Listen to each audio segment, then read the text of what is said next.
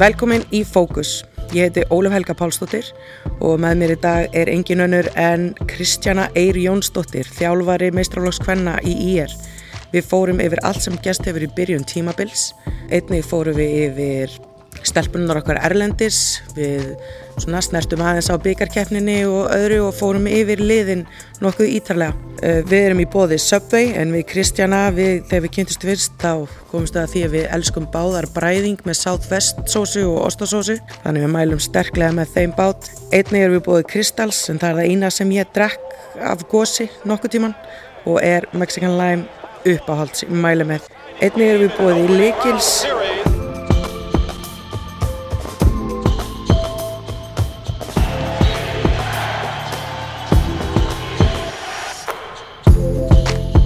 Verið velkomin, kæru hlustendur, fókus. Þetta er þriðið þátturinn okkar sem við tökum upp og ég er með gríðalega góðan gest hjá mér hana Kristjánu Eiri Jónsdóttur, Keflavíkur, Skvísu og ég er þjálfara í fyrstu deild hvenna. Velkomin. Takk, takk fyrir að fá mig. Herðu, við erum að taka upp ekki í fyrsta skiptið hérna í dag. Nei, Við, letum í taka, við, erum, við vorum bara búin að taka upp í hvað langa tíma, einn og hálfan tíma. um það vil Já, og það er hvarf. og þá En- við höfum nægan tíma. Já, gott að við höfum næðin tíma Kristján þarf að fara á æfingu eftir En ég hérna Og við sem þjálfarar, við tókum þessu bara með stökustu ró Ég svona svitnaði aðeins í lóanum En við tókum þetta svona með stökustu ró Og hugsaðum bara, herði, við verðum bara betri setnaskipti Við erum búin Já. að æfa okkur En það sem ég vil byrja á Er að fara yfir stelpurnar Erlendis Já, Viltu ekki bara stikk, já, þú ferði yfir það svolítið herru, þær eru Fyrir mig? 11 Já. sem eru að spila úti. Já. Uh, það er Sara Rún sem er að spila í Rúmeníu Já. í Phoenix Stinga Constranta. Það er hún búin að vera að spila 35 mínútur, 15 stig, 8,7 frákost og hún er framlæsast í liðinu. Já, þú En- mínútu hæsti það ekki líka Jú, ég er nokkuð vissum að hún sé líka mínu hæst, en þær eru ekki búnar að ná sigri og þær eru í neðsta, deild, neðsta sæti í deildinni eins og staðan er núna, Mhm. sem er 13. sæti. Já, Svo eru Þóra og Ástrós, þær eru í AKS Falcon sem að þú sagði mér áðan að vera í nýtt lið. Já, það er glænýtlið sem er þjálfað af hann landslistjálfaranum. Ég er allavega hef, fekk þær frettir frá mömmun og Þóru, henni steinunni, þegar ég mætti henni á haukar, keflaðegur leika, keflaðegur haukar. Og svo er Emily Hesseldal, Emily Hesseldar er með þeim. góðkunningi Íslands, hérna, einn bara besti leikmaður, eða svona Evropuleikamaður sem við höfum fengið á Íslandi. Já, það er held ég rétt hjá þér og hún er eina sem er að spila meira heldur en Þóra. Já, Þóra er að spila 29 mínútur með 8 stig og þr- tæpar fjóra stóðsendingar leik já, og Ástrós er að spila 18 mínútur með 3 stig leik. Þær eru ósigraðar eins og staðan er núna. í Í fyrsta sæti í fimmleiða deil. fimmleiðadeild, við rættum það. hérna. Þetta er áhugavert konsept en, Já, þetta er mjög fyrirlegt og við verðum eiginlega bara að- En við tölum líka um það að kvennaboltin í Danmörku er á uppleið. Já, einmitt Bara 2001 stelpunar unnu U16 árlega sett upp í A-dild í, í hérna E Já. sem Mhm. að við köllum -hmm. og 2004 stelpunar alltaf var mjög góðar. Já. Þannig að þetta er á uppleið og það er bara vonandi að deildin styrkist eftir Já, því. og verði betri, já, Já, af því að Það er náttúrulega kalladeildin eru eiginlega bara tvölið, sko Já, og kall, kalladildin er ekki, eða sem sagt landsliðin sem að ég hef séð Mhm. eru ekki jafn sterk kallamegin eins og hvernamegin Nei, og það er held ég líka bara rosalega gott fyrir Ísland að Danmörk verði sterkari dild af því að það er held ég raunhafasta möguleikin svo staðinni núna fyrir stelpur að gera eins og Þóra og Ástrós Já. ég held að Ástrós er líka í skóla Já. fara út í skóla til Danmörkur og spila í Evrópu af Já. því að þess að það er alveg vinsalt að fara til Danmarku í Já, Mm. Já. þannig að ég held að það sé rosalega gott ef að deildin getur styrst að leikmennir okkar eigi eitthvað erindi þar. Já, Uh, svo er Sólelja, hún er í Svíþjóð í A3 basket en Svíþjóð er með eitthvað svona homegrown reglu já, þannig að hún er held ég ekki að spila með þeim núna, ég held hún sé bara að æfa af því að þeir komist ekki áfram í Eurocup. já En hún fekk að vera með í Eurocup Já, en, það mögulega bara- af því að hún verður ekkert með í vetu þá var hún bara að spila eitthvað þrjár mínútur. Já, En þetta er eitthvað tengt homegrown-reglunum, þannig að kannski fær hún séns ef að einhverjar af erlenduleikmennunum fara eða meiðast eða eitthvað. já, og líka, já Þannig að hún er verður að æfa áfram með þeim Það er svolítið vont að hún er ekki að spila En hún reytni úti til að fara í skóla Já, hún er í doktorsnámi Já, og það er ekki, það er hvorki meira nefnir en minna, að, sko. Mhm. sko. en að samtuna körfubólta með því, það er magnað svo eru sjö stelpur svo ég viti til það má leiðrétta mig og segja mér hverjar eru fleiri að því að ég vil veit um alla sem eru að spila úti Já, þær eru Arnarhönn hún er í Pacific Luther í Washington fylkinu Já, fylk- ekki DC Vestanhafs. já, í bandaríkunum Já.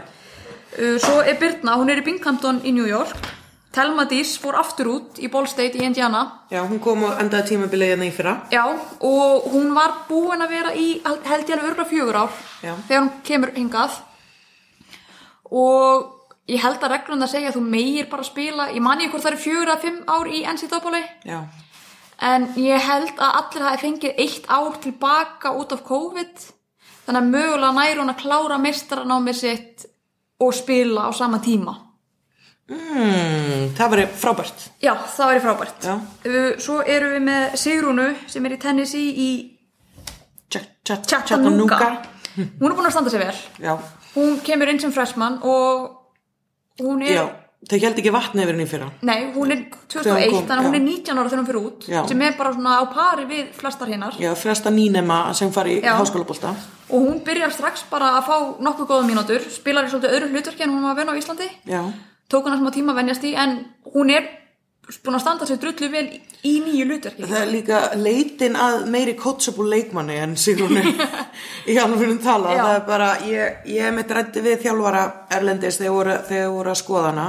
Því ég hefði verið síðusti þjálfarin hennar að hún fór út. Já, og ég mitt bent á það og svo var einmitt sagt við mig eftir á bara wow, bara því líkt coachable sko. Ég held að hún eigi eftir að verða bara betri og hún Já. Mhm. er líka að fá þannig hlutverk að úst, mögulega fær hún meira skorar og hlutverk Já. núna eða þegar hún er á sem sagt, junior árunu sínu einmitt á eldra ári Já, eða sem sagt, er það ekki freshman, sophomore, junior, Junior, senior, senior, já. þannig að þegar hún er junior í háskólanum Já. þá kannski fær hún að fá meira svona skorar og hlutverk eins og staðan er núna þá var hún svolítið bara svona að mata já og við hefum einmitt, það hefur rætt áður um, í öðrum podcastum einmitt þegar leikmenn, þegar var að tala um þess að stráka leikmenn sem er að koma heim að þeir eigi svo erfitt með að koma tilbaka í Íslandsdeildina þeir eru svo vanir að vera með eitthvað hlutverk sem þeir eru að fylgja Já, uh, en ég held, einmitt, hún að hlutverki hennar er eftir að breytast og hún verði bara að leikmannum hjá þeim sko. Já, ég held líka sko þess vegna er ég eiginlega á því að leikmenn sem eru svona tilbúnir eigi að leita til Evrópu í atvinnumennsku eða til Evrópu í háskóla eða jafnvel að vinna í Evrópu, þú veist, reyna að fá vinnu í gegnum liðisæti eða eitthvað af því að þar færiðu meira að spila körfubólta þar, ertu, þú veist, þar er ekki aðal málið að þjána sem mesta peninga fyrir skólan eða Já. félagi, skilur og þeir eru svolítið í því þeir eru svolítið mikið svona í bandaríkunum bara móta þig í sitt form Já, einmitt. að þeir eru bara að hugsa um þessi fjögur ár sem þú ert hjá þeim þeir Já. eru ekki að hugsa um þig í framtíðinni Nei, nei, nei, nei. en í Evrópu þá færðu að vera þinn, þú, veist, þú sem leikmaður og þjálfari í Evrópu er ekki að sækja sér leikmann til þess að móta þá í eitthvað form af því þeir eru ekki að hugsa um ég hefði í fjögur ár, Já, þeir eru að einmitt. hugsa ég hefði kannski í eitt ár, ég ætla að nota þig á sem bestan hátt eins og ég, þú veist, eins og við getum mögulega nýtt þig Og hvernig myndir þá, um, þú veist, hverjast, hvaða stelpur myndir sjá fyrir að fara beint í Evropapólta? Elisabetu, Já, ægis.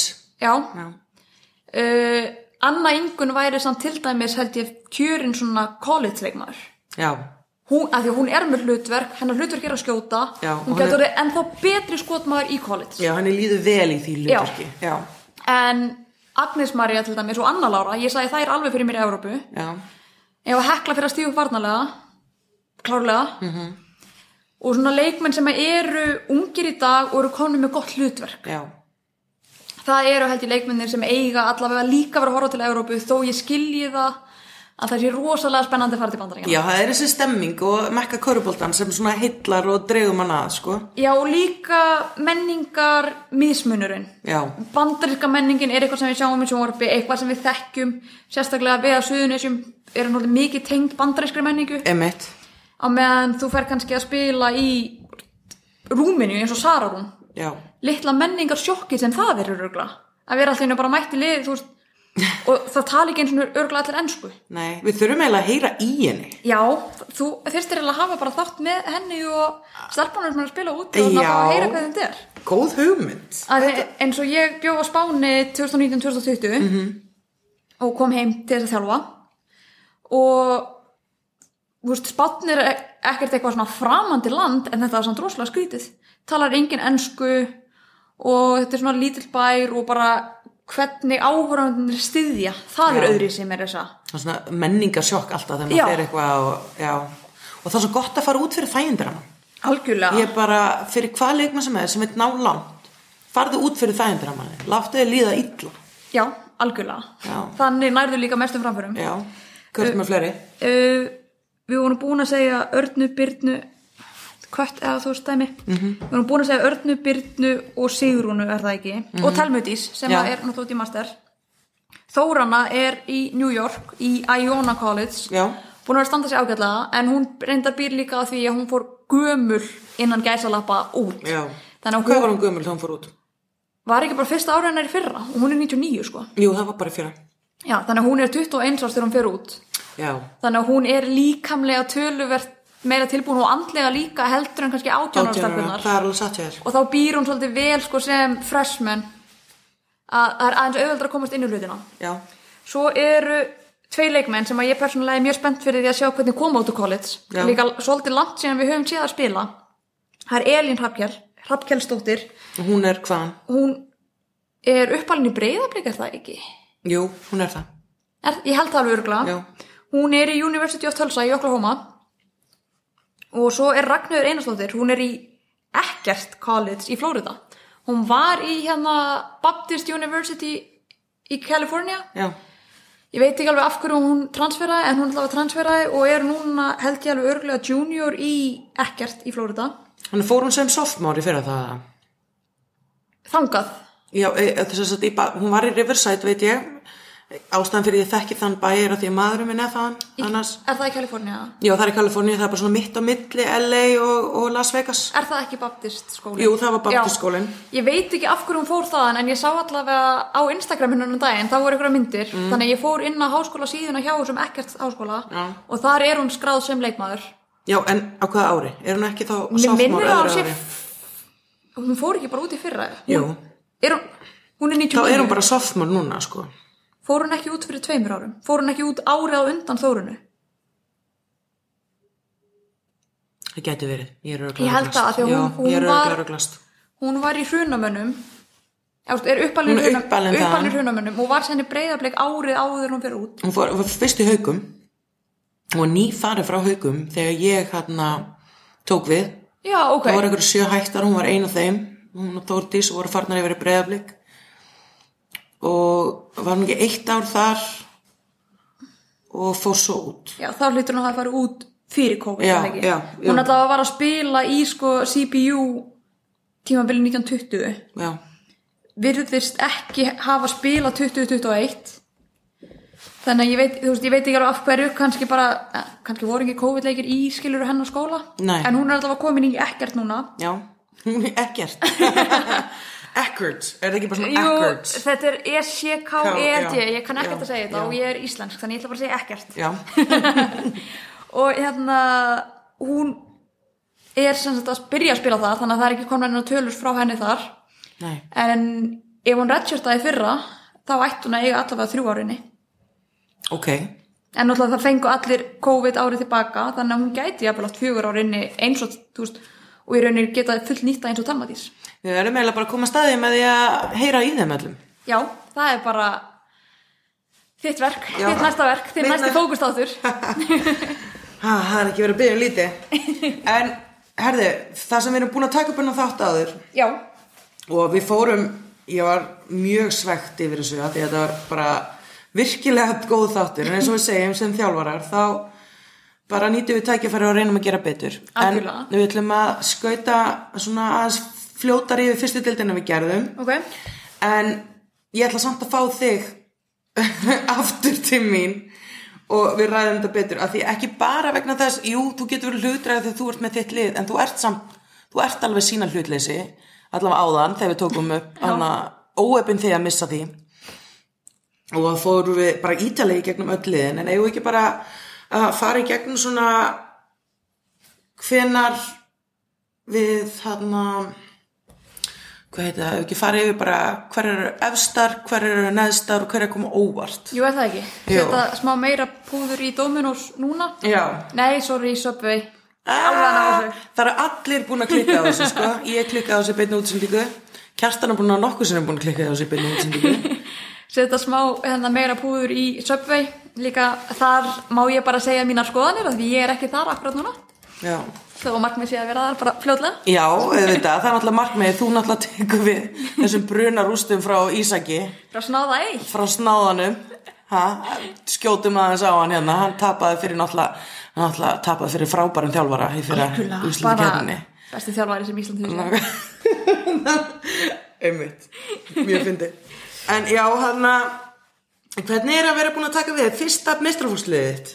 Þetta er mjög gaman og mér finnst rosalega gaman að líka fá að vera í úr, úr mestraflokki og fá að setja mitt form á þetta. einmitt, Þú veist, ég horfi oft á bara söpildilt hvernig til dæmis og er bara eitthvað, mm, ég myndi gera það svona. Já. Og nú fæ ég actually að prófa þetta. Já, og gera. Þannig að ég fæ að sannreina hvort að það sem að ég myndi gera virki. já Og það er rosalega fróðlegt, við erum svo sem bara búin með tvo leiki en við höfum byrjað nokkuð vel. já, þeir eru, eins og stendur eru þið fjóðarsæti en þeir eigi leik til góða Já, fyrir, fyrir ofan ykkur er Þór hann að Akureyri sem eru taplausar já, í deildinni og eru búin að koma virkilega sterkar inn við og það eru einu liðin sem er talusar. já, og einmitt, þið og ég og Þór Akur eru sannst eina liði sem er tablusar í deildinni en ég eru einungis búin að spila tvo leiki og meðan Þór Akur eru búin að spila þrjá Já. uh, Þór Akur eru ekki með kana en við hefum sem sagt, ég hef heyrt af því bara frá örugum heimildum að norðan að þar eru að leita sér að kana og þar ætli sér upp Ok, Þannig að þú ert komið verðu að hana anstæðinga í fyrstu deildinni saman með K.R. Þær ætla sér upp líka. já, Þær eru með sterka heimaleikmenn hann, þær eru með Perlu sem er búin að vinna deildina, fyrstu deildina áður, hún er búin að spila í úrvalstild samt takmarkað. Þú ert búin að fá Fanney yfir og Huldu úr, úr fjölni já. Og snæfrið og- og fjölni. Já, snæfrið og fjölni, þannig að þú ert með sterka leikmenn sem eru búnar að vinna þessa deild, sem eru búnar að spila úrstildinni og svo ertu með hana, fjólugerði sem er bara einn efnilegasta leikmaður landsins, Algjörlega, uh, Önnu Margréti og Önnu Marju já, sem eru allar uppaldar káringar og einmitt, ógeðslega efnilegur, ég er ógeðslega spennt fyrir að sjá þeim við tölum einmitt um það í fyrstu upptökun okkar að við hérna það væri smá svona kynsluða skipningin gangi núna sko Já. og það eru þessar stelpur sem við erum búin að vera að þjálfa í yngri landsliðum þær eru að koma upp núna og eru að fara að spila í meistraflokki og fá sjens og það er ógeðslega gaman að sjá það já.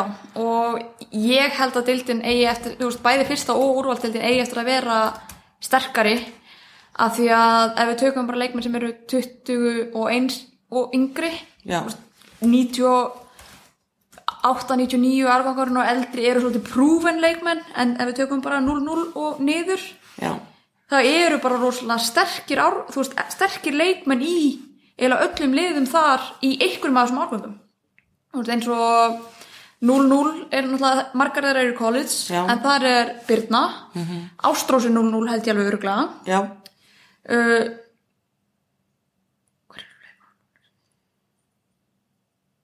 er það ekki hann að Sigrún? Sigrun er 0-1 Já, hún er núleitt og Anna Ingun og Ólfur hún er allar 0-1 Já, það er allar núleitt, já Eigló er 01 svo er 02 það eru Natalia Já. og Thea, sýstir hennar og getum ekki skilið þriðju eftir Anna, Já. hva, Anna, Anna Margrét, Anna Margrét og svo Edda mhm. Hjördís já, Hjördís og Eva Marja Davís Já, uh, svo eru 03 það eru Vilborg og Helena Hulda Hulda og Elisabeth Já, Svo eru nú fjögur, það eru Anna Lára, Agnes Maria og Hekla sem eru svona Mhm. Emma, Emma Sóldís Sóldís Við meðum ekki gleyma henni Já, og Kristrún Já, sem eru svona helstu póstar þar Svo 05, það eru með Jönu og Ásu og Söru Í Söru, val Mhm. Söru Líf já, og hana hérna Emmurhönn já, í fjölni. í fjölni. Já. Þannig að, og svo, ef við förum allar neyrið í 06, þá eru sko aðalhefur Ella í Skallagrím. Skallagrím, Viktoria með henni í kolfina það er allar að fá mínútu núna í Skallagrím Já, og svo eru, í IR eru Elma, hún stendur upp úr, hún Já. er svona líka líkamlegra lengra komin heldur en hinnar 06, Já. það var í IR. Uh, svo, þú veist, það eru fullt af, og það sem við nefndum úr K.R. já, Þær það eru allar 06, Fjóla Gerður, Anna Maria, Anna Margrét, Svo er líka Emma hana, nei Mía sýstirinnar Emmu já, hún er líka 06, Já. þannig að allavega niður þetta þá er alveg nokkri leikminn í öllum árgangum Mhm. sem geta að fara að byggja upp helviti gott landslið. Já, og, svo ertu líka með stelpur sem eru jafnvel í Njarvík og Keflæk sem eru bara ekki sjá mínútur Já, Sem og eru á þetta, þessum þetta er svona aldri. helstu leikminni sem ég taldi upp sem er að Já. sjá mínútur í annarkvort eftirdeild eða fyrstudeild. Já.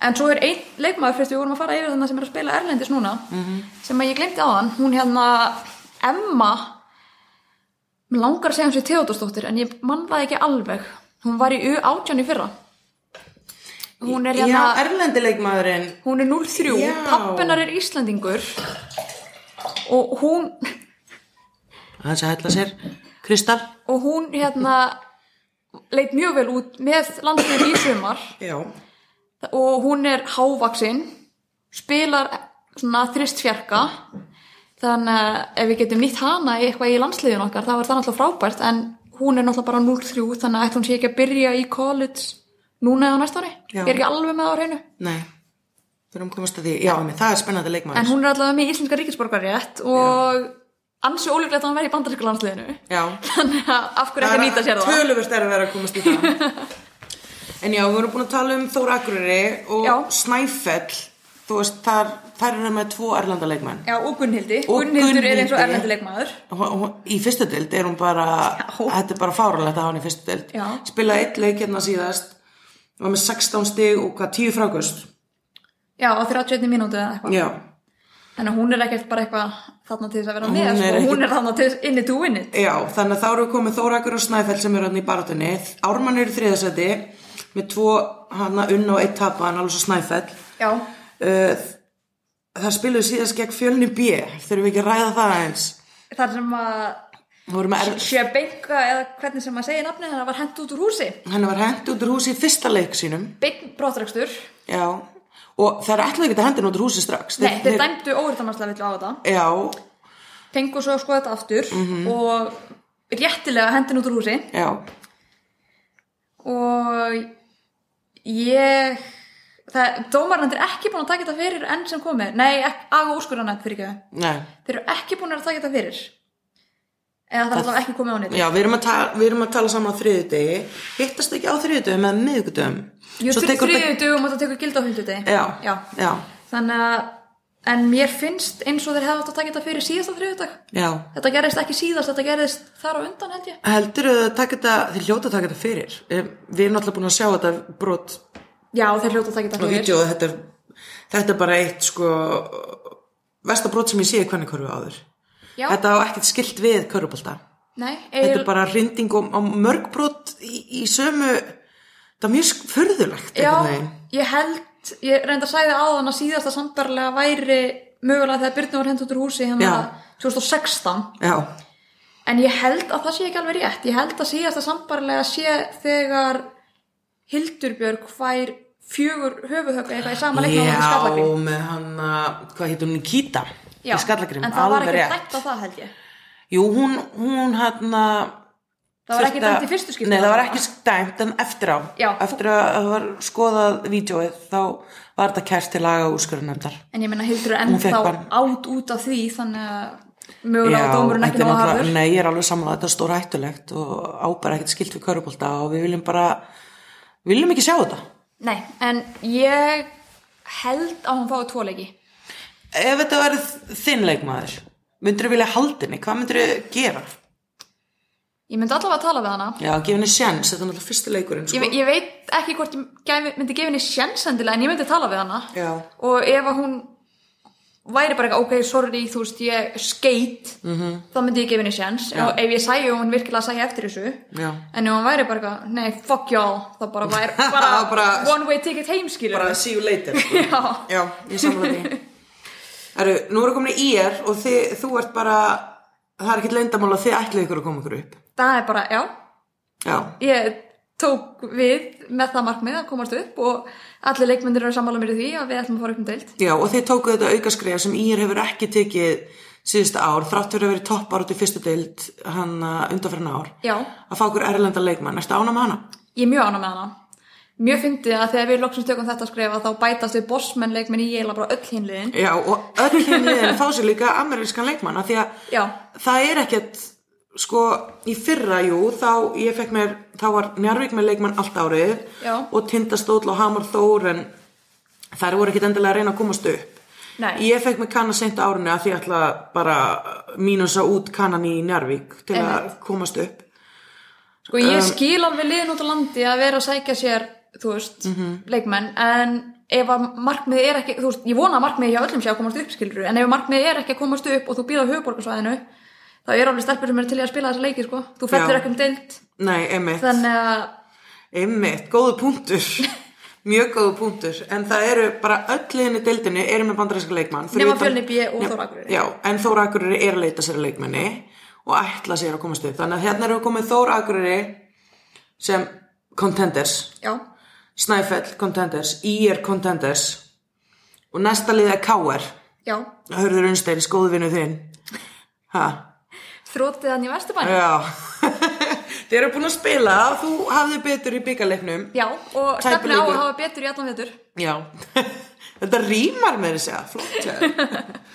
Já, betri allan veitir og hann að það verið gaman að fylgjast með þeim leikjum. Um, síðan neðurlötu deildarnar eru Tindastóll, Hamar Þór, Fjölnir B, Aþena MFK, Stjarnan og Vestri. Það sem kemur mest á óvart er að Stjarnan er þarna í tíundasæti með þrjá tapaða leiki. Já, það kemur mér á óvart reyndar mjög erfið byrjun, byrjun hjá þeim Já, þær eru búin að spila á móti sterkustu liðunum. Já, og ég held að þær séu líka svolítið svona þær eru á smá nýju liði Já, með nýjan þjálfara já, Ég er ekki beint á nýju liði þó ég hafi bætt við liðið já, og þannig að þær allar þekkjast og ég er bara komið mitt inn í en þarna eru þær að læra enn á hvað aðra og læra enn á hvað auður vil gera já, emitt. Þannig að, Og það er náttúrulega síðast, síðast þarna þegar auður, ja, árið áður en auður var með að spila með stjörninni, þá draga þessi úr keppni árið eftir á. já, Og síðan kemur Magga með mjög ungt en efnilegt liði í fyrra, en Já. það leysist upp einhvern veginn áður en tímabili endar. Magga fer og margir leikmenn með henni. já Ma- Margrét Sturlaugs er ég að tala um þjálfara og, og þannig að hún er eiginlega já, að byggja svolítið upp frá grunni hún var líka skilin eftir í smá rú- brunarústum sko Já, og þú veist, á pappir eru það rosalega góðar já, og ég held að eigi eftir að vera góðar í vetur. já. Það bara vantar held ég að fá þennan sigurleik. já það er náttúrulega búin að spila bara á móti bestu liðunum Já, sko og ég, ég, síðan er spáði næsta þeim, leikur Þóra Akureyri ég spáði þeim inn í úrslitakeppni já, en ég viðurkenni reyndar að þau, á þeim tíma var Snæfell ekki búið að byrta rósturinn sinn. nei Þannig að ég var, ek- vissi eiginlega ekkert hverjar yrðu í Snæfell. Nei, ég var á sama máli sko, ég var ekki að búast við Snæfell svona sterkum, sérstaklega ekki Gunnildi að taka fram skóna á ný. Nei, þannig að Já, ég held, þú veist, það er, það er enda ofar en, hvað er það, tíundar núna? já, það eru tíunda. Það er enda ofar en tíundar, alveg klárlega. Og ef að Pálina tekur fram skona, Og dýrfina jáfnvel líka. já, þá eru það bara í drullu góða málum. Það eru náttúrulega með fárlega góðan leikmannalista einmitt. Já. Hanna, en þær hafa bara ekki spilað. Nei. Kannski eigum þær eftir að koma okkur óvart eins og Gunnildi gerði í síðasta leik. Spilaði 30 mínútur. Og svo á líka Jóhanna smá eftir að koma sér í form. Hún Já. er alltaf átti bann, hún er reyndar að verða tveggjara í örgla í, guð, hún á eftir að drepa mig, mars eða mæ, ég man það ekki. en hún, það er reynda að spila í fyrra og það gekk ekki upp, þannig að þær er ekkert búin að spila körubólta í Nei. langan tíma. Já. Og Jóhanna, úrst, líka minn er enda bara aðlagast því að það hafi verið bann inn í henni. Já, það er náttúrulega bara, það fer eftir því líka, það get ekki alltaf verið helena sko. Og, Nei.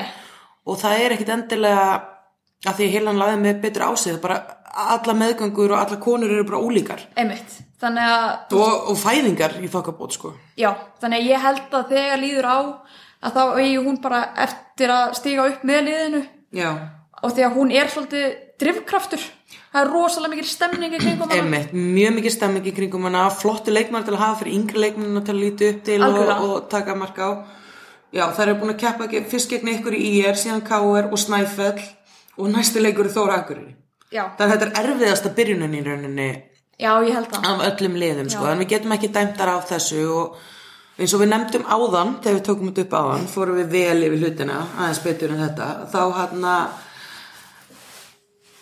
hvað heita aftur já, ef þær komast á þetta eru bara að brjóta ísinn, vinna þennan fyrsta leik já, ná Og- jafnvel tveimur í röð já, ná tveimur röð þá kemur sjálfstrystið og kannski svona rithmin með því já, Er Það er ekki, takturinn með. Uh, eigum við að nefna einhver önnu lið eins og Aþenu kannski, já, sem er glænýtt lið. Ég náttúrulega lísti leikirna, var í beinu útsendingu á stöðu 2 gegn Þóra Akureyri. Þóra Akureyri var 30 stegum yfir hálfleik og þær voru Án Kana og Án Bergþóru sem er uh, þeirra elsti og reynslumesti leikmaður. já, Þannig að stelpur sem voru inn á voru bara 16 ára og yngri. Ég Já. held að meðalaldurinn hafi verið örugglega svona 14,5 eða 15 ára sko.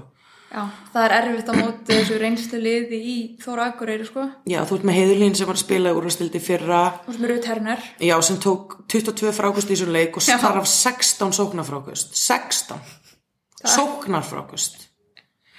Það er bara, ég held hún hafi tekið jafn mörg sóknarfrákust og að þannig hafi gert alla leikinn, sko. en, Eh. en ég held eins og ef við tökum aðeins káar Já, af því að ég stefna á að gera alltaf betur en þegar ég vetur já, hann ætlar að reyna að koma í veg fyrir það hann er búin að sækja sér leikmann sem var dröfti í WNBA já, og mér finnst það magnað að geta fengið leikmann sem var allavega á roster í WNBA til þess að spila á Íslandi í fyrstu deildinni fyrstu dild. Hvar var þessi leikmaður í fyrra? Þegar það voru með hana litlu stelpuna sem kana. Mér fannst bara eins og það voru að gera, reyna að gera allt í fyrra káringa til að, að tapa, til að detta nöru deg. Já, hún var held ég í Sviss, hún er búin að vera að spila sko, hún var að spila á efstu deild í Spáni Já. svo var hún að spila í efstöldi í Sviss hún var að spila í fyrstu eða annar þelt líka á Spáni, hún er búin að vera að spila alveg slatta, hún er 32 ára held ég Já. og fyrst við erum að tala um leikmenn með prófíla þá er Vestri Já. búin að sækja sér ítalskan Euroleague leikmann Já. Á besta aldri. á besta aldri, 36 ára Hún var eitthvað að böggast á hana, hún var, hún var fætt 86 og væri þá orðin gömul, ég vildi ekki meina það, ég var 85. sko, elsti leikmann okkar í deildinni í báðum deildum núna er fætt 88 Er það? Helena. Helena, já. í fyrra var einn fætt 81 Ég- nei, 8, 80 fyrir ekki hún var Já. elsti leikmaðurinn í Körpálda Kalla og Kvennamein hún Birna Eirík sem var í hér Já, hún Birna. var, já, hún var elsti leikmaðurinn en svo hætti hún og þá var elsta kvenkins leikmaðurinn og Siggar endar aðstofþjálfurinn minn, Sýrur Antons, hún hætti líka Já. þannig að elsti kvennaleikmaðurinn í báðum deildum fyrir utan erlendaleikmenn er Helena, Já. held ég alveg örgla Ég, er- ég held að þú sett ekki fjara lægi, sko. þannig að vest, vestri ætla sér allavega að vera ekki í 11. sæti með að við það að það sækja sér Euroleague leikmann Já, en það eru búin að tapa samt svolítið öruglega þessum leikjum sem það spila. hún er bara búin að spila eitt leik Já, hún er þetta bara búin að spila eitthvað. Það töpuðu nokkuð öruglega fyrir aðinu. Uh, ég vil endilega klára að tala um leikinu gegn Þóra Akureyri. Það er eins og ég segi, það voru með 32 stegum munur í hálfleik, en tapa bara með 26 stegum. já, Og hún, sem sagt, Tanja Tanja, hans Brynjas, dóttir hans Brynjas, var, var með 25 stega leik. já, hún er fætt 2007 er það ekki? Já, hún er bara... Þannig að hún er 14 ára hún er bara 14 ára, þetta er bara baby hún var að standa sér gríðarlega vel Já. svo var Ása flott í, í síðasta líka leiklat- leiklutanum og þannig að það er unnu sko síðasta leiklutan 22.11 Ok, það þú er, veist, paldi að að vera á þessum aldri svona ungar, fara inn í háluleik að tapa með 32 stigum og koma samt og halda haus og, og bara koma til og vinna setna háluleikin einmitt, það er mjög vel gert. það er bara hrikalega vel gert Það er eiga bara eftir að vera betri held ég sko. Ég hlaka til að tala meira um þessa deild einmitt næst og þá fyrir við betur, ég ætla að fá þau aftur til mín að því að þú veist svo hérna, mikið um þetta en hann að ef við ekki þá hoppa yfir í úr úrvalstildina. Jú, gerum það. Við byrjum á skallagrím. Er Já. ykkur von fyrir þær? Nei, eiginlega ekki, sko.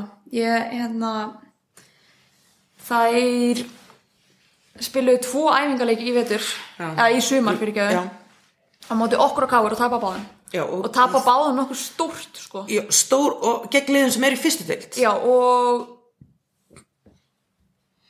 þetta er fyrsti Káur voru allavega pottitt kanalausar á þeim tíma mm.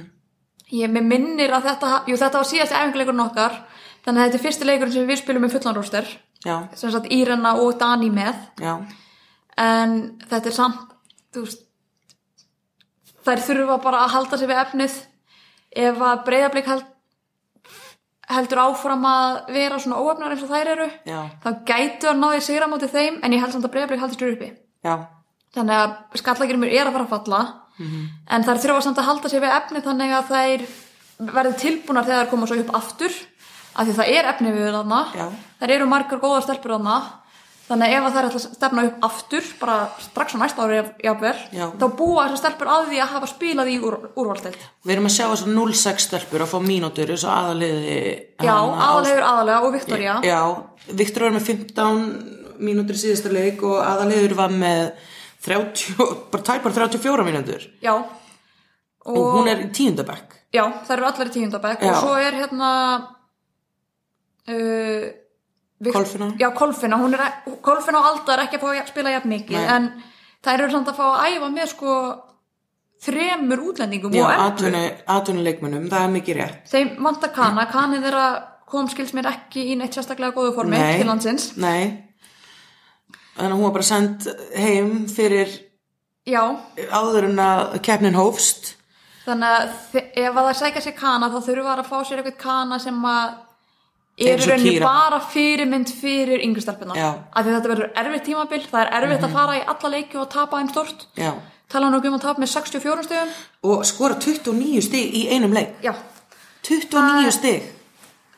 Já. Það er sem síðasta leiku gegn haukum. Haukar eru náttúrulega sterkasta liðið á pappirnum. En þær hafa ekki farið tablusar í gegnum já við, tímabilið ennþá. við náðum ekki að fara yfir hauka á hann Nei, við erum ekki komin að þanga, við erum ekki komin svo langt.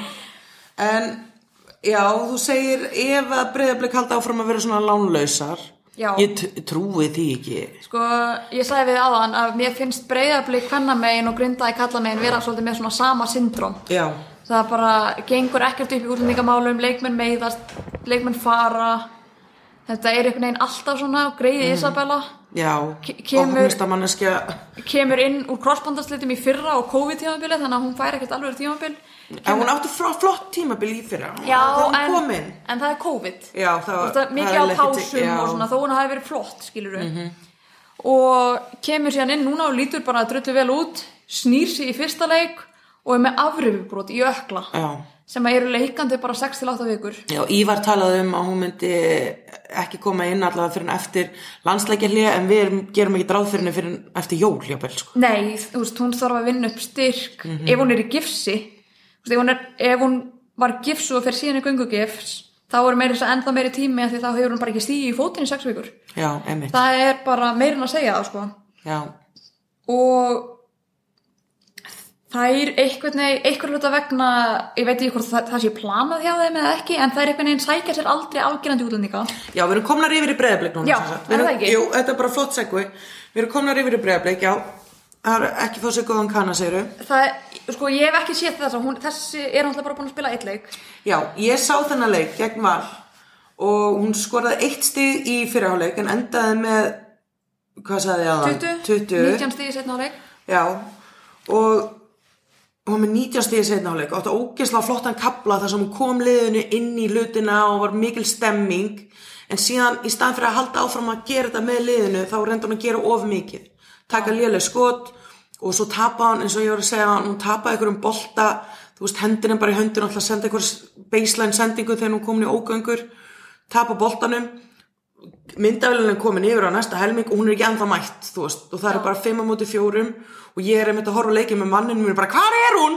Er hún ekki alvörun ekki komin tilbaka? Ég var alveg brjálið og svo aftur í næstu sók þá tapar hún boltanum aftur bara með einhverju fárulega skoti, Ívar tekur leiklið og ég vissum að hann hefði notað leikliði til að segja henni bara, herðu, spilaði með liðinu skamma hana kannski smá að því hún kemur aftur inn á bara í fílu já, og gef, þú veist, þessi líkamstjáning þú veist, hún lítur út frá þér virkilega sterkur, góðu leikmann sem getur klárað erfi skot en hún verður bara að komast inn í lið og eins og Ívar sagði líka í viðtali eftir leik var að hún átti eftir að komast inn í sóknarleikin auðvitað getur þú kannski farið í smá ógöngur og reynd og mikið þegar þú veist í raun ekki hvað það að gera Já. eða koma leikmannum inn í það þannig að við gefum henni sens en líkamstjáning er bara en hún er, náttúrulega- hún er bara nýkomin þannig ég gef henni alveg séns Já.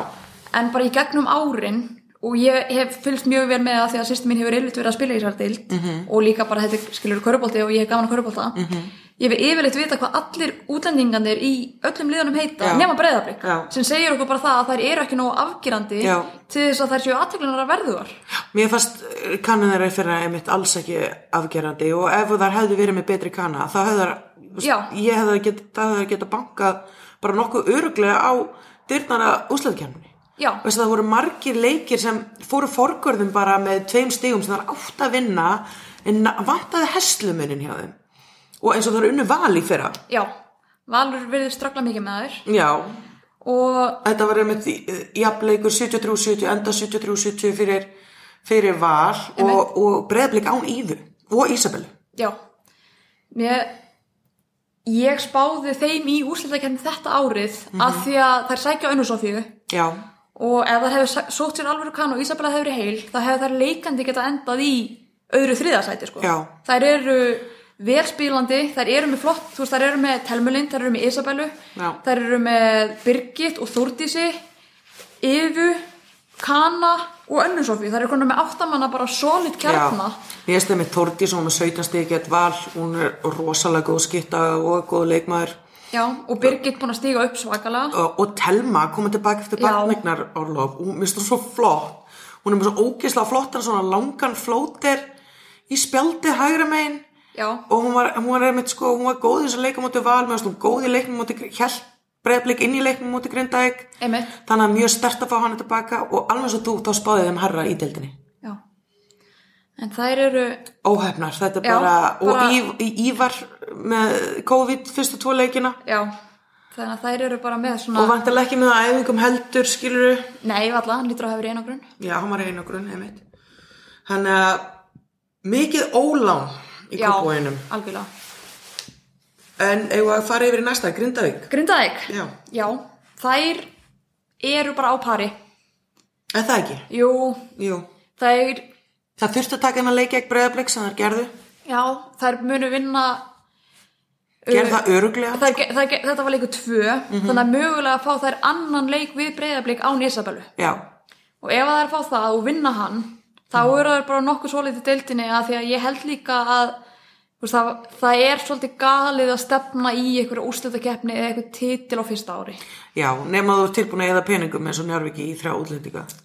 Já, en þú þort samt að byggja upp, skilur allt, ok, ef þú ætlar að vinna titil núna, hvað ætlar svo að gera í fram, framhaldinu? Mhm. Já, ég veit. Þannig að þú þort svolítið að byggja upp sem að grinda þig er að gera og Já. þær eru með flottar stelpur. Já.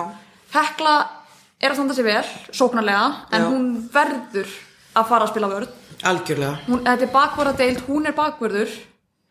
Hún bara verður að fara að sti- spila vörð af því að annars, þú veist, sérstaklega ef hún ætlar sér eitthvað lengra heldur en á Íslandi. Og við veitum það líka báðar sem landslistjálfarar að ef þú ert ekki að spila vörn í landsliðinu þá ertu bara ekki valinu, ef þú ert ekki nóguðu varnamæður þá ertu ekki valinu í landsliðinu. Nei, ég menna stefnan í landsliðinu núna er að pressa full kort. Já, hún er ekki kandidat í það eins og staðan er núna Nei. en ég veit hún getur það, Já. ég hef síðan að gera það en hún þarf að nenni já. svo erum við Huldu sem Mhm. að minni mig alltaf svolítið mikið á Elisabetu Það er náttúrulega úlist upp saman bara, á að Já. spila saman bara. og eru báðar svona langar og grannar og fljótar Huld er ekki það laung. og hún er samt Finnst svona þetta- hún er með langar hendur og Já, já, já. þú veist, hún er ekki hávaksin kannski Hún er rosalega coachable sko. já, ég, ég get alveg ímyndað með það Já, og svo eru þær með Natalíu og Teo og önnum Margréti Já, Anna Margrét spilar mest lítið en þegar hún Já. kemur inn á þá er hún að gera það sem hún á að gera. Já, og ég held að, þú veist, að hafa þrýbura í liðinu sem geta alveg verið gott að þær, þú veist, eru örugglega með svona samtvinnaðan heila Já, það var þannig að örugglega- þær þurfa ekki beint að tala saman til þess að koma ykkur áfram, skilur Nei, nei, það voru allar saman inn á einu á móti breyflik. Já, það er bara spurning frábært. hvort að það hefur eitthvað sem að gerst í öllum heiminum að spila í efstu dild einhver staðar þar sem þrýbrur eru að spila saman inn á Örglega ekki. og svo ertu með Örnu, við rættum hana líka Já. áðan. Og öndru. já þú bættir öndrinni sem er ekki búin að spila í 2-3 ár Nei, en hún á að vera að spila. Og aftur, merkja fyrir klipp. merkjari klipp, klipp Ég hérna sagði við Danna þegar við vorum saman með landsliðið 2017 Mm. að þegar, þegar við vorum að velja svolítið svona 11. og 12. mann inn í landsliðið Já. þá sagði ég ef, ef að ég má velja eina af þessum sem við erum ekki búin að velja Já. þá vil ég öndru og hann bað mér um rjókstunning og ég sagði einfallega hún mun fara inn á völlin og drepa fyrir þig ef þú byrður um það Já. og ég elska það í leikmunum þú veist, hún er skapstór Já. það er svolítið erfitt að kontrólinu stundum en ef þú ert rétti með við, við hana þá er hún tilbúin að fara og berja fyrir þig já, einmitt þannig að þú veist, hún er fighter þú vilt hafa hana fremsta í vílinu í þegar þú fyrir stríð sko algjörlega Já. og þú veist, hún þarf ekkert að spila 30 mínútur nei, hún bara 12 mínútur kemur væri inn og frábær. veldur usla mér finnst, já, já, bara hvað er farvarstu bara íta þessum stóru stelpum, hún er sterk já og þú veist, Bryndís, ef þið vantar leikmann í æfingahóp hringdu í hana Herri, hoppum yfir í næsta fjölnir er ekki svolítið second season syndrome í fjölni fjölnir eru bara afsakið orðbræðin, þær eru bara helvitis vonbriði já, ég er bara hjartalega samlega Þær sækja sér dagníu sem var bara stærsta sæn vetursins fyrir utan kannski helun í hauka Algjörlega. sem að var svo sem ekkert svo stórt að þetta er upp, uppeldisfélag hennar Já.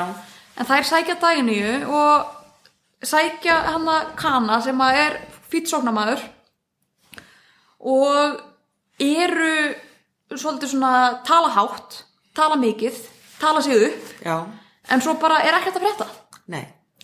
og En þar erum við komið með þetta, þú veist, þú kemur upp sem nýliði í úrálsteild. já Uh, við erum eftir að sjá þetta virka til langs tíma. Þú sko, kemur upp á, í úrálsteild, færði þrjá útlendinga já, sem virkar. já þær komast í úrslutakefnið Já, já það komast í úrslitakeppnina, tapa reynda 3-0 fyrir val en gríðarlega stertlið vals með, með hann Helenu og Hildi undir körfunni og Kíönu Johnson sem er bara frábær Einmitt. leikstjórnandi. En hvað svo? Það er nefnilega máli. Hvað svo? Þetta, við það höfum séð vantar það þessa ung- áður. já, sko. en svo eru það eins og við erum að tala um þar eru með fjölni B það Já. er að leifa þessum ungu leikmannum að fá reynsluna Já, en það er samt, þú veist, vissulega er fjölnir B gott skref upp á þetta. já, En, úst, Njarðvík gerði þetta á sínum tíma. Þær fara upp um deild, Mm. sækja sér Lili Hardy og einhverja aðra, þa- þetta var tveggjakana system hama. hann að Lili og, og hún heitir Shay Já, og Shay. sóttu mig líka í Sóttu Grindavík. Ólöfu eða þig, Já. Petrunelu og Helgu Hallgríms. Mhm. Nei, hörpu sorry, Hallgríms. sorry, Hörpu Hallgríms Já. verða Íslandsmeistarar og Íslands- falla síðan árið eftir já, þær fjallu árið Já. eftir að eru Ísland þær eru Íslands og byggameistarar Sama árið, er það jú, ekki, jú. og falla síðan Já. já, þannig að mér finnst svolítið riski að ætla sér svona stóra hluti um leiðorkominu upp já ég, me- í staðin fyrir að taka svolítið eins og grindækjar að gera þetta þau eru að leif, þú veist, þau eru að gera já, nóg já, þær eru að gera nóg til þess að halda sér uppi sækja sem kannski ekkert afgerandi kana þannig Mhm. að, eða útlendinga og þeir eru að rúla vel á þessum ungu leikmannum Já. já, á meðan fjölnir eru nógu margir leikmenn, það er til dæmis missa dilja Mhm. eru nógu margir leikmenn í fjölni missa dilja í stjörnuna já, Já. eru nógu margir uppaldir leikmenn í fjölni til þess að halda þessu uppi til lengri tíma já, Svo þó að Dilja- þeir séu með þetta bjölið ég spilaði gegn Dilja í fyrra í fjölni B og hún er gríðarlega erfið viðrögnar já, ég Þú ert að spila mótinu núna þegar við sko- ég- skátum þær, við áttum þær í fyrsta leik Já. þá hérna fekk Írana sem að er þekkt stærð varnarlega hún Já. fekk það hlutverk að dekka dilja sko. Já, Þannig að ég held að fjölnir hafi gert maður mistök með því að missa hana algjörlega og þú veist, ef þú skoða til dæmis bjeliði hjá þeim Svo er Fanney sem spilaði úksla mikið hjá Já. mig fyrir hún er farin Já, en ég held reyndar ég hef heyrt að hún og Snæfríður séu að stefna að fara á okkur heimsreisu eftir áramót Hvað gerir hörður unnstins þá? Ég selði það ekki dýran ég heyrti það en ég hef heyrt það Ok, og þess vegna hafa þær ekki verið í fjölni að því að það er aðeins annað svona system í gangi í úrvastild en ef þú skoða til dæmis fjölni B eru margar fjölni stelpur í fjölni B nei það eru svolítið það er hann að hann að heiður frá Skallagrím Já. Svo ertu með Emmu Rönn frá Þór Þólasöp Já, möttu og mýju frá K.R. Já, og ég er ekkert viss um að það séu neitt rosalega margar og eru þær, þú veist, lojal liðinu líka, skilur við? já, þær eru reynda með tvær nei, fyrir ekki, þrjár í fjölni B Þú veist með Hérna- Sigrúnu sem er uppalunum fjölniskona Sigrúnu Byrgis og Sem- Köru sem- já. og Stefáníu Töru, sýstir Köru Já, eldri sýstir Köru en eru þær sem eru 06 og 04 mótel Mhm. nógu stórar stærðir er Sigrún ekki 07? jú, sorry, bæði Kara og Sigrún eru Mhm. Já, 07, 07, já. eru þær nógu stórar stærðir til þess að halda fjölni í þessu að því ég veit ekki til þess að sé neitt meira að koma upp hjá fjölni Nei, Þannig að alltaf fjölnir alltaf að vera að sækja sér leikmenn úr öðrum félögum sem að fara svo bara þegar já það hendar skiluru. Það Einmitt. er mjög Þetta er nefnilega svolítið riski og það er bara vombrið, það er ekki að sína að þeir sóttu dagnilýs eins og þú segir, Já. það er ennþá með þrjá erlenda leikmenn það er uh, það er svona, hvað finnst þér um Sönju? um, ég veit það ekki alveg. Hún er alveg góðu leikmaður. Ég held samt að það sé erfitt að þjálfa hana. Já, ég held nefnilega líka, hún er ekkert endalega leikmann sem ég myndi sækja mér eða leitast eftir að sækja Nei, ekki nema hún er alltof vilt já, ekki nema liðið mitt væri þannig. Já, Til dæmis ef við tökum liðið í fyrstildin, hún var í frábæri ármanni. ég ætla að fara að segja nákvæmlega sama Þannig að, þú veist, ég veit ekki hvort að þér hafi sótt sér í rauninni rétta leikmenn og ég held að það hefði bara skotið á pátti í fyrra. Já, ég held að hefði ótt að leifa leikmennin sem voru þarna að gera aðeins meira sem, Já. þú veist, þær voru með þrjá útlendinga og þessar stelpur sem voru þarna fengar alveg að gera eitthvað en þær hefði kannski þurft að fá aðeins starra hlutverk já, samanlæður og það er, já ok, Fanny hefur kannski farið að því hún alltaf heimsreysu Heiðalín fer í Ak- Þóra Akureyri en mín flytur heim í rauninni bara Já, flytur heim aftur. Uh, Magga Ósk er ekki fá mikinn séns, þú veist, þú sást hann í úslandikefni, hún kemur inn, setur, þú veist, tvo þristaði röði sama á hotninu og fær svo ekki boltan í þriði í sókninni já, og bara, þú veist, ég skil ekki okkur hann ekki nota hana meira, hún, þú getur notað möggu meira, sko. hún er líka bara svona stemmingsleikmaður hún er Já. svolítið svona Brynjóð Þór Björnsson Já, já, alveg samlega, og hún þarf einmitt, ég vil að hún komist betur inn í liða því að hún er, hún er lojál, sko. já, hún, hún er bara, þú veist, ég er hún ekki uppalni var Jú, en hún er bara orðin skilur í fjölninskona út í gegn Ég, algjörlega, og En hún er að hinir, hala upp þú veist- þessar ungu stelpur hérna, frábær þjálfari, efnilegu þjálfari þannig Já. þar líka. en Dagnilísa, ég var nú að hún fyrir út Já, hún fer öruglega út, og sko.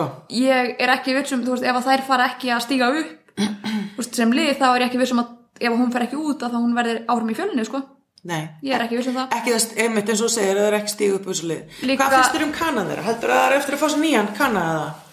ég veit það ekki alveg, hún er alveg búin að, búin að vera þú veist ekkert meiri vonbreiði heldur en hinnar Nei, þannig að, þetta er bara vombrið, ok? já, Sorry Haldur, en vombrið, við viljum segja okkur betra. algjörlega Já. ég bara sett kröfur til þess er ég hérna Já. Herðu, Keflavík, your home girls. hvað er það í fymtasæti? Það eru fjórðarsæti. fjórðasæti, ok Með tvo hanna unna og eitt tapaðan. sko, ég held að þær séu á pari Er það ekki? jú, á pari, mér- ég held þær eru að standa sér betur en fólk var að búast við í byrjun tímabils ekki betur en ég var að bjóst búið þitt Nei, ekki ég heldur, ég- ég, hafði trúið um allan tíman sko. ég er smá Jonni Já, ég hef alltaf trúið þeim og þú veist, ég vil til dæmis ég segja Anna Lára sé rosalega vannmetin leikmaður hún getur dekkað alla Mhm. og ég segi það við alla sem vilja vita hún getur dekkað alla, hún getur dekkað pointgard upp allan völlin Þú veist, hún ólst upp við það að dekka jönu já, það er eins og alltaf fókin bíflugu já þannig að hún getur, hún tek- getur dekkað pointgard full court Já, og svo þú veist, léttari stórumennir hún getur leikandi dekkað á postuna því hún er frábær já postarnamaður Við höfum séð það bara núna strax í deildinni sko. Ég meina, hún er látin dekka helun á móti haugum. Já, Þú veist, Hún hefði vissulega ekki verið látin gera það ef að Danny hefði verið með, nei, en hún er látin dekka helun á móti haugum og gerir það vel. Skiljanlega getur hún ekki staðið það af sér að heluna postana upp, en Já. heluna postana heldur ekki mikið upp, en eini leikurinn sem þær hafa tapað er á móti haugum. er á móti haukum og Já. kanalausar reynda voru hauka kanalausar líka en Keflagur eru miklu sterkari kana heldur en haukar Miklu, Miklu, sko. miklu sterkari kanna. Og þær eru líka svolítið svona, þú veist, þær eru með köllu Já, og svolítið svo lóksins Evrópuleikmann hérna í túndi.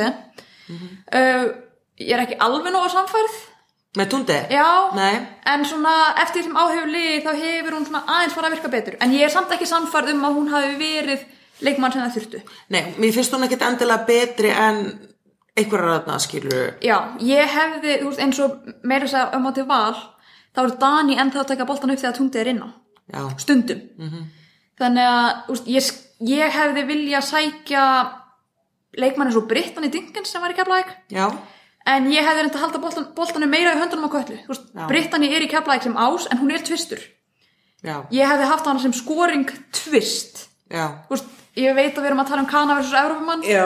en ég hefði reynda að sækja mér eitthvað svona scoringleikmann sem er ekki poingat heldur tvistur Mhm. -hmm. en getur samt list köllu af hólmi af því að úst, köllu vantar ennþá líkamlega styrki að spil, fara upp á móti mörgum af þessum vartamönnum Já, og fyrir mér er rosalega mikill styrkleiki að hafa tvo góða leikmenn sem geta driplað upp mm Mhm. -hmm. að því að fæstliðin hafa tvo varnamenn í að dekka fullkort tvo góða bakunni já, uh, já, ég bara er ekki samfara á hana ég heldur hefði þurft eitthvað aðeins betri ef það er alltaf sér titil já, ég er alveg sammála því sko að því að það gæt ef það væri með að erlendan leikmann sem hún segir sem henta liðinu betri og er betri þá væri þar að stríða haukum bara miklu meira sko ég líka bara tökum sem dæmið þú sækir spænskan poingard sem að matar bara leikmenn þarf ekki einu svona að skora mm Mhm. -hmm. verður með köllu og önningunni og Agnes sem, þú veist, köllu önningunni og Agnes sem maður í því skiptar svo sikkur kantinum að bara ge- fýta þær Svo er þetta líka með Ólefur hún já, hún kom rosa flott inn uh, hérna í síðasta leikumóti var all Já, hún er, líka Eh, í góð skytta, byggarnum hún er líka góð skytta þannig að þær eru með alveg fjóra fína skyttur já,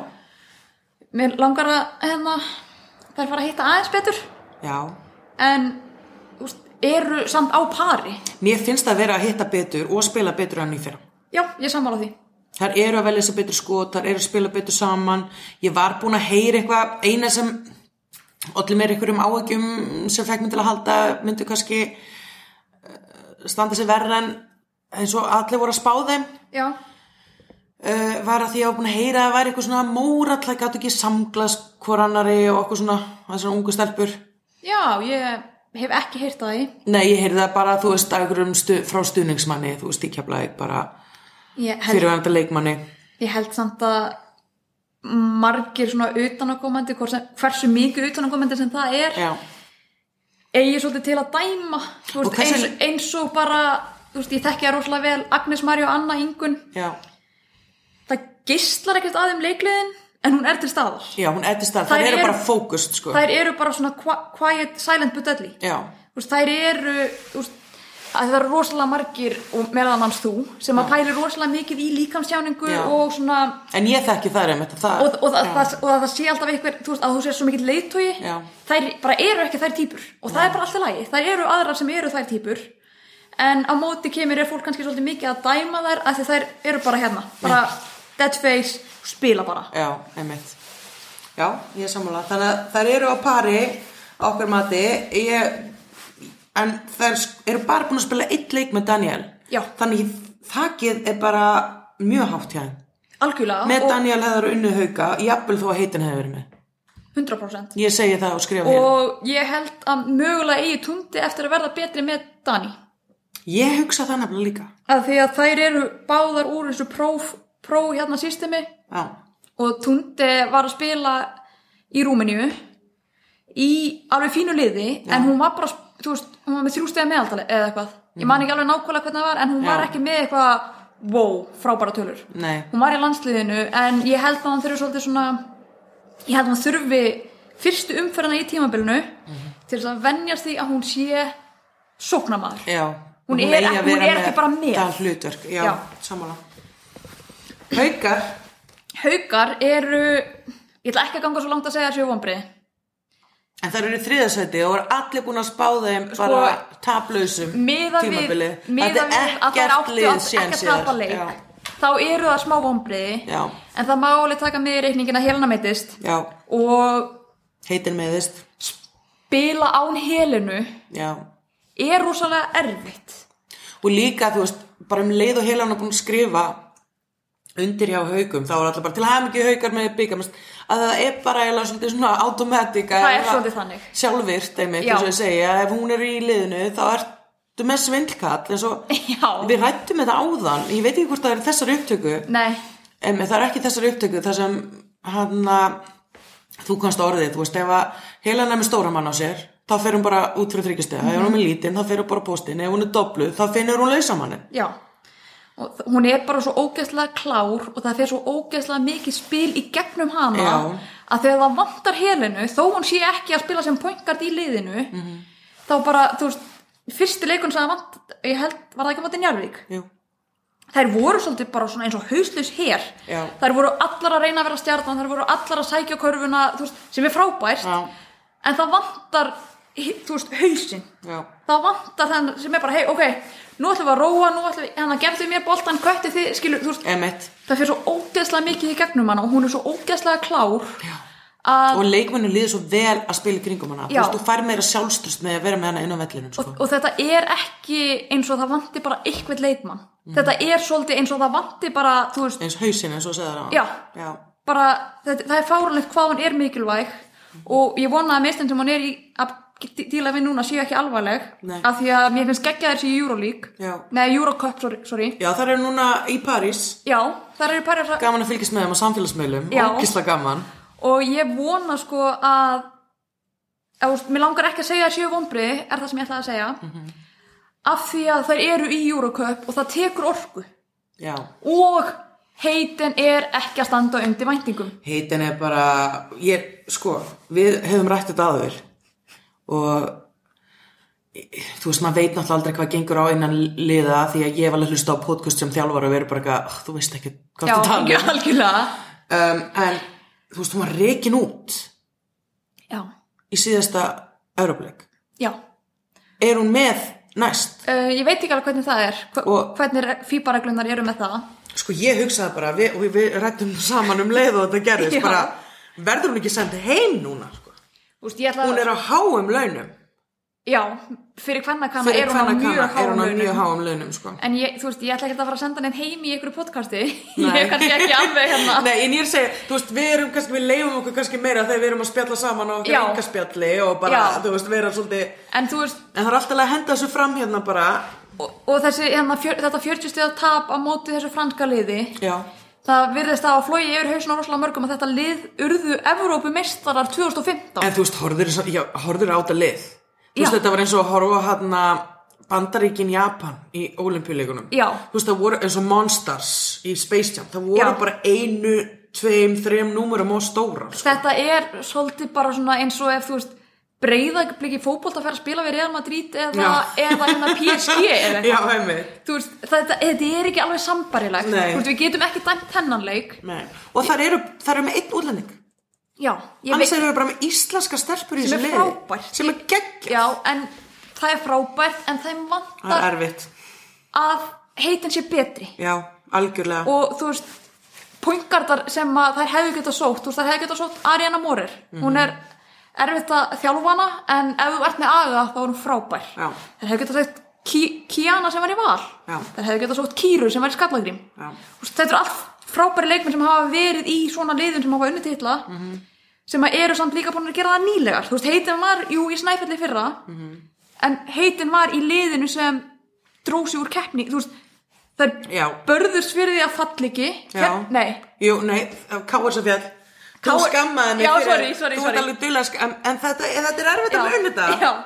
Káir fellur, mm Snæfell berst fyrir því að fall ekki og draga svo liðsitt úr keppni Já. þannig að þær eru næst lélagasta liðið í dildinni Já. og það er kannins að sækja Já, Þú veist, ég skilði það að því hún varð Íslandsmeistri með hann fyrir sex árum já, en heitin hefði verið góð ef, ef hún hefði farið í grindæk Já.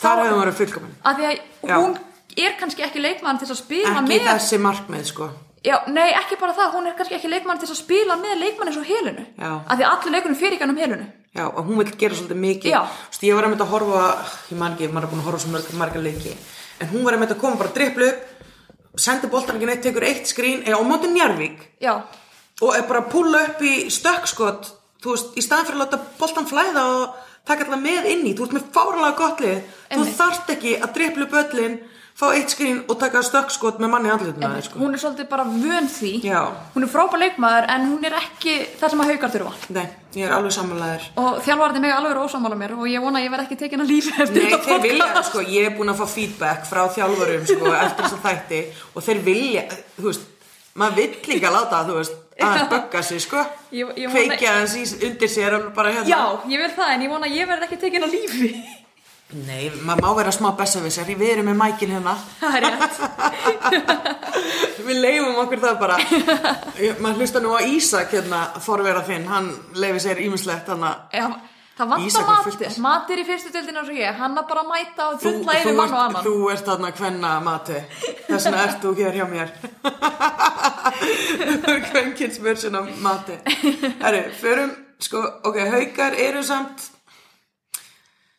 við viljum meina að hann vanti heila betri kanna Já, það sem er, passa ekki, betur. það er ekki vonbriði en þú veist, út af, út af Eurocup það er svolítið, þú veist, Já. það er eiga til þeim seldi leikti góða eða er það búin að spila hann?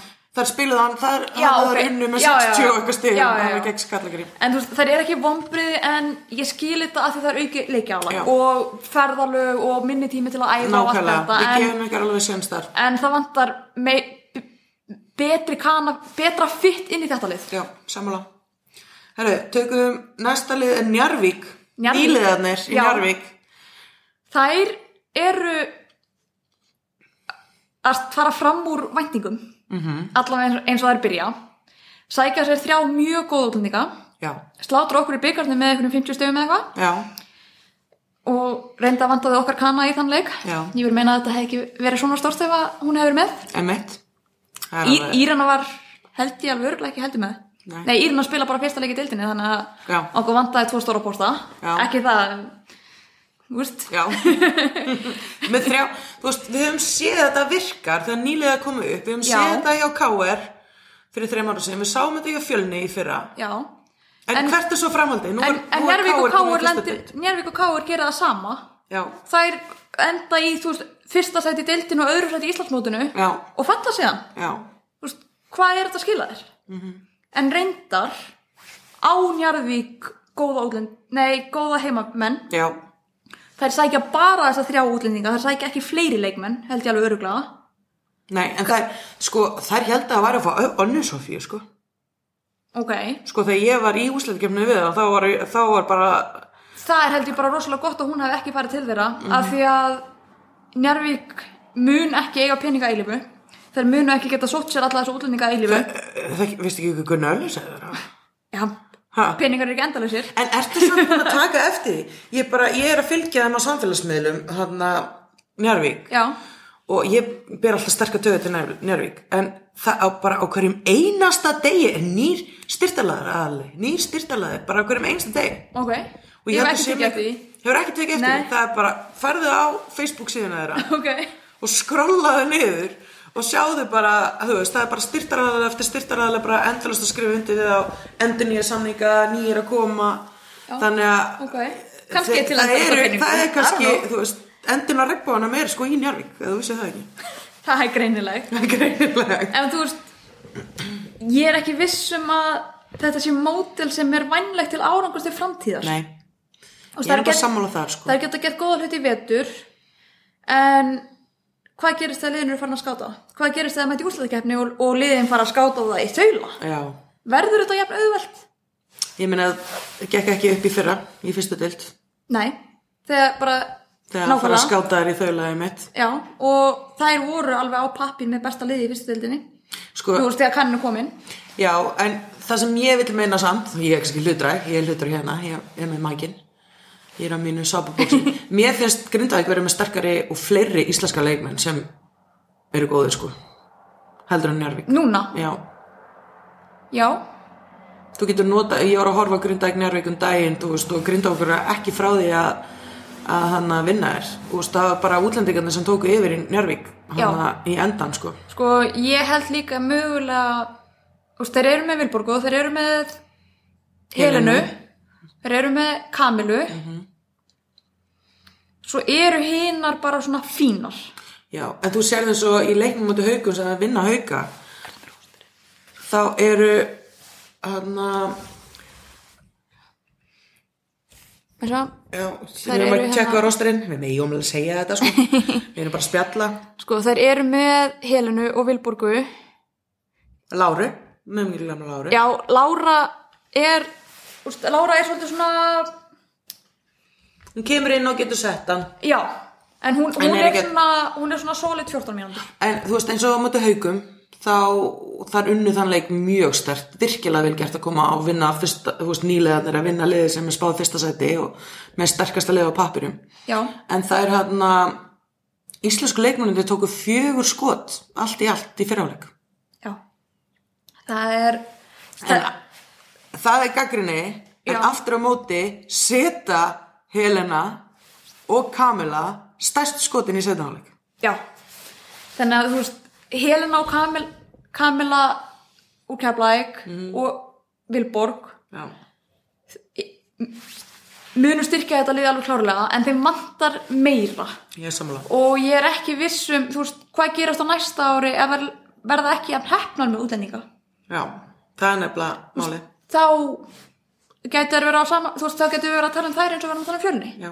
Þú veist, hver er framtíðin? Af því ég veit eins og fyrir nokkrum árum þá tóku er hérna þá tóku er kallalið og bara hendu öllum heim, bara við ætlum bara að gera þetta heimastrákum mm þú veist, og það var endar hérna, kom langt síðan, þetta var í kreppinni, Þetta var þegar ég var með þessi njárvík sko já en, þú veist, hvað er framhaldið? Mm Mhm. -hmm. Lof, þú veist, rannvegi farin til Spánar vonandi verður hún bara þar, það er Já. frábært Uh, Lofisæfylgja er fenni Hamar, hún alltaf spilaði með Hamar í síðasta leik ég veit ekki hvort Ok. hún sé komið félagskeitt Er hún á vensla eða Ég held vennsla, já.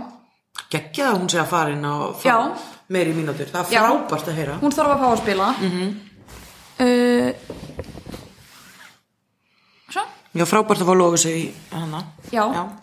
Og úst, Kristagló er efnileg. Já. Hún er Hún 2004. bara var ekki meitt Já, ok. Ég, Hún var allavega ekki í leiknum, hún var ekki, hún er í borgarlegum klæðum gegn grindag ok, og en, var hún meitt í þeim leik? Já Ok. En Krista Gló, hún var, hún var flott sko, áttu flottar einkomur í fyrstu hildi fyrra En ég held að ég sé eiginlega smá sammálaði með sko grindaðik á fleiri sem eru úrvalstildar materiál. Mhm. Já. Þú veist, ég er- Og þá er ég ekki að segja að stelpunar njörg sé ekki góðar. Nei. En þær eru líka ungar eins og stelpunar grindaðik en þær eru kannski bara ekki komnar á úrvalstildar levelið. Já Sem að getur alveg tekið, þú veist, Og svo ertu með Natalíu, Heklu og Huldu í Grindavík sem hafa prófað að vera í Já, úrastöld. og það er svolítið galið Mhm. að kvenkins leikmenn séu bara eitthvað, ég er 18 ára ekki tilbúin, ég verð aldrei tilbúin. Já. Þú veist, leikmenn geta verið þú veist, við, við tölum um stráka sem efnilega til 25 ára sko. mm -hmm. veist, Rúnar Ingi var efnilegur þangar til hann var þrítur Já. þannig að þú veist Já. þannig að ég, þú veist stelpur þurfa heldur líka bara að vera þólimáðari vera óhrættar við að leita sér í önnur lið þú veist, fara í fyrstu deildaliðin þó það þurfa að kera brautina þannig að þær fái þessar mínútur og fái tíma til þess að styrkja sér líkamlega því eins og, eins og leikjálagi er í úrvarsleitt hvenna þá er engin tími fyrir styrstaræðingar Mhm. Nei. það er leikum miðgut að lauga það næstu í alla, Já. þú veist, í alla vetur Það er mjög erfitt að vera með styrtir aðeins sko. og þú ert með Þú 16 er það helst að hafa bara mándu. Það er eina tíminn. Já, og þú ert með 16 ára stelpur það þarf að kenna þeim að lifta og þær þurfa að lifta þannig að þær styrkist, annars munu þær ekki eiga breyk í Þú veist, og þá erum við líka að tala um landsliðu okkar Já. og sér það eins og us 16 ára liðin, bara ef við tökum NM sem dæmi us 16 ára liðin okkar hafa unnið NM Norðlandamóti. já, bæði kalla og hvenna megin og þú veist, ef við höfum ekki unnið þá höfum við verið á pari við Svíþjóð og stundum Danmörku Já. yfirleitt unnið hérna, sorry, finnar eru mörg ljósvarum á undan okkur Já. en þú veist, yfirleitt unnið Noreg og Ísland Já. við erum á pari við Svíþjóð og Danmörku og finnar svo, svona yfirleitt frekar stórt tap Já. svo bara ára á eftir þá eru Danir og Svíjar bara komnir ljósvarum fram á okkur líka af því að þeir eru orðin sterkari og þeir, eru, þú veist, Já. þetta er orðin markvísara hjá þeim Já. og þetta er eitthvað sem við þurfum að laga og það er ekki bara landslýsprógrami sem þurfum að laga það við þurfum að laga það á landsvísu og við þurfum að laga það innan félagana Já. það þarf að vera markvís styrtarþjálfun Ég er alveg samanlegaður. Algjörlega. Og áttum að- Við eigum að vera komið miklu lengra sko. algjörlega Herra, ég var klára að segja þetta. Fyrsta sætið, Valur. Valur er á pari Já. vantar hildi og úst, En Valur eru búin að eiga auðvöldustu byrjunina. já, Það er byrja á grindaðið sem eru nýleðar. Fyrsti leikur nýleðana var mjög erfur. Það voru stóðu sér vel í fyrráleik grindaðið en svo bara aftu valur hann að þriðleiklutan og datta burtu ekki í gang og hatti líka. já um, svo áttu að skallagrín og sér haukar sem eru fyrir neðan þær núna í deildinni já, þær vinna skallagrín með 60 hvað sagður, Og fjórum. og fjórum stigum uh, en þær vinna skallagrín með 22 já, og skallagrín skora 70 stig á þær á meðan skallagrín skora 29 á hauka einmitt og þegar ég segi pari þá er ég ekki að meina að það er muni endi fyrsta sæti Já. heldur er ég bara að segja skilur þær eru búin að gera það sem er ætlast til aðeim Já, og svo vinna þær Þær- breyðableik með það mjög tæft já, og mér fannst eiginlega breyðableik að skilja að vinna þann leik sko. það er náttúrulega vantar hildi Já, það En- er alltaf stórt en það er búið að vanta hildi næstu í eitt ár Er það? Nei Hildur var ekkert rosalega mikið með í fyrir að hún fekk höfuðhögg Já, hún fekk höfuðhauk, hún kom aftur inn í endan þá voru líka með Helenu já, og það er svolítið annað, Já, annað spil þú sko. veist- en það er búið að vanta hildi skilur, það, það getur raunin ekki sagt það vantar hildi Mhm. heldur er þetta meira, það er bónus þegar hildur kemur Já, Af því að eins og, þú veist, þær eru bara með þetta lið núna Hildur er ekki búin að þú veist, þetta er ekki eins og með Isabel sem er búin að æfa með þeim í allt sumar og byrjaði leikina með þeim Já. hún er bara búin að vera í borgarlunum klæðum Já. mögulega búin að æfa, ég veit það ekki Ná, en þú veist, Ég veit þær- ekki. þær eru á pari að því leiti að þær eru að gera það sem er ætlast til aðeim þær eru búin að vinna þessa skildu sigra Já. en svo fara þær byggarna á móti keflaði og bara, það var ekkert að frétta það var hrikalegt að sjá það sko. já, Gekkja að sjá keflaðið, sem stóð sér ógeðslega vel Já. Það er fínt að við tökum þetta inni hérna núna því við höfum lítinn takkmarkaðan tíma til að klára þetta Búin að vera hérna í næstu í þrjá klukkutíma Já, við þrjá klukkutíma Já. Mættir hérna tími, klukkan tvö og þarf að drífa það á æfingu þess að við kannski töluðum kannski svolítið rætt hérna ég tala líka bara hratt ef Já. að einhver vil gaggrina það þá bara, sorry, Óli býðum mig þá bara ekki aftur í podcast Ég gefa það nú bara samt En endilega við töluðum líka í fyrstu upptöku Við viljum, við fagnum gaggrinni Já. Við viljum heyra hana Bara svo við getum bætt okkur til að gefa út betra efni einmitt, Bara allan daginn En já, mér finnst allavega eftir byggalegin Já. Sérstaklega núna á móti keflaðið Þá er ég fyrir miklum vombriðum með val Og ég hef áhyggjur það Ef, Já. þú veist, og við, við vitum ekkert hvenær hildur eða hvort hún kemur aftur af því Nei. að höfumeisli eru bara það alvarleg já, og ef þær vilja gera eitthvað þá verða þær að, að fá sér erlenda leikmann eða þú veist bossmann eru það bara með hana já, já, hún er rosalega góð Frábær. Ameris. búin að vera með, var með, ykkur, hún var með 50 og svo 49 framlega í fyrstu tveim leikjunum gegn grindaðið og skallagrimmin þetta svo Já. droppaði það niður í 25 gegn breyðablík já en ég held, ég er sammálaðir ég held þær þurfi að sækja sér bossmann og þær þurfi að sækja sér smá svona hildi típu já, að þú veist, þær eru konna með vissulega Ragnarmarkandi inn í róster en Ragnarmarkandi er líka búin að glíma við höfumeislu og hún er búin að glíma við í- ég veit ekki hvað mörg ár já, og hún náttúrulega þú veist þá við tölum að maður með meðgöngur þú veist aldrei líka nýbúin að eignast barn nýbúin eignast bat það er bara, þannig að þú veist þær þurru, þú veist, valur þó svolítið að hætta að horfa í það að það vanti hildi já, það vantar ekkert hildi, hún er ekkert búin að vera með nei bara, þú veist, eins og það er leikmar hjá mér sem að sleit krossband og áður en við vissum að hún hefði slitið krossband við vissum samt að hún er lengi í burtu þá sagði ég við hana, þú veist, lítu bara á þetta tímabil sem búið Já. allt sem hún nærð að vera með í ár er bónus Bónus, já. Bónus fyrir þig og bónus fyrir okkur þær þurfa bara svolítið að líta á hildi þannig Touché. og sækja bara svona mann í staðin fyrir hana Já, að þær verða að gera það. svo þegar, þú veist, að því að hver er stóri maðurinn þeirra núna? Ásta Júli og Anita Já. það, þú veist, Og ástæðjúluna þarf hjálp. Ásta Júli þarf hjálp og Anita er ekki leikmaður til að gefa það hjálp Og þó að ástæðjúluna líti út fyrir að hún sé, þú veist, svona eldri leikmaður því hún er búin að vera svo lengi. hún er bara tvítug Hún, já, hún er búin að stimpla sig svo lengi, búin að stimpla sig þess að Já. deild, en hún er bara úlengur, sko. og hún líka var í college og kom heim út á brjósklósi sko. Já, en, þannig að hún gengur heldur ekkert heil til skógar þannig að ef að þær ætla að gera eitthvað ef að þær ætla allavega að gera alluga því að verja hennan titil Mhm. þá bara þurfa þær að sækja sér stóran bósmann og ef að Hildu, ef að Hildu kemur svo inn í þá eru þær bara í sama luxusvandamæla og ég að hafa þrjá góða stóra leikminn til að rúla á. já. það er bara, Nefnir, þú fegst Nínu, Já. Jenny, ég veit til þín aftur, hún var með val og áttu góður innkomur í fyrra, fyrir val. já Þannig að það er vond að missa hana. já, það er hefur til Anita nýkomin úr batningnafríi líka. já, Þannig að, já, og hefur, þú veist í rauninni aldrei verið eitthvað stórt númer í deildinni nei. þannig að það að hún sé skilur backup stóri maður Já, það er, er svolítið svona þú veist, það er erfitt það er mjög erfitt þegar þú ert búin að vera með Helenu Hildi og þú veist, Nínu í þessari stöðu að fá síðan allt í einu leikmann sem, þú veist, hefur kannski ekki alltaf verið að fá þess, þessar mínútur. Einmitt. Af því að, þú veist, Ég, er samt, ég fagna því að Dagbjörnstögg sé núna að fá reynsluna Já.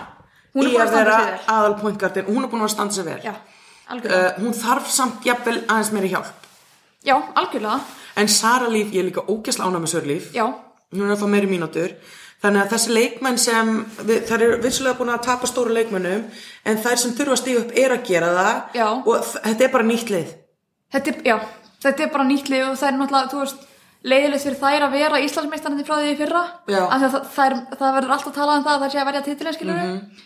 Og, þú veist, Sara Líf er 16 ára. Já, Eða, ég veit ekki alveg hvernig hún ámali, en segjum að hún sé 16 ára því hún fæði 2005 eins og Jana. já, og það bara það var, þær, hún og dagbjörn gerir þetta ekki tvær nei og Ásta Júlia með þeim þetta er bara Og ekki sko, nóg Hatti er búin að vera bara skuggina sjálfur sér það sem af er tímabili. Hatti líka, Hún er búin að klúðra 12 þryggjastega skotum í röð. ok, s- ég vissi það ekki Mm. það er svakalegt, en Hatti er líka svolítið svona hún grætti svo ógeðslega mikið á helunum Ég veit það. Af því að þú Opnaði veist, svo það fyrir var svo hana. ógeðslega mikil aðtikli á helinu Já, ég og veit þó að það. hattir sér góð og landsliðs bakurir hjá okkur og allt það Mm. þá voru allir bara svona, þú veist ég ætla frekar að fara að taka helinu og þá er hún opin í skot Já. og hún er frábær skita ef hún skotið er opið Einmitt. þannig að Hjartalega samanlega. þær þurfa svolítið svona úst, þær þurfa bara að fara að henda upp skotum fyrir hana Já. þú veist, þó hún sé 0 af 12 þú hittir ekki nú að fóra að skjóta Já. þannig að það, þú veist, Hún, hún, byr, hún komst, hún var aðeins heita múti grindag. já, ok En- En hérna, ég setna áleik. En þær eru líka allar líka bara að vennjast því að spila án helinu sem er erfitt. Já. Það er bara rosalega erfitt Það er ætla rosalega eitthvað erfitt fara að- spila að án helinu. vennjast því aftur. Já. Þú veist, Það veri ekki með hennar leiðtuga bara og, og þjálfara inn á vellinu. Og líka bara IQ-ið sem að helina hefur, þetta er Já. svakalegt. Já. Þú gerir bara svo alla góði í kringu sig. Já.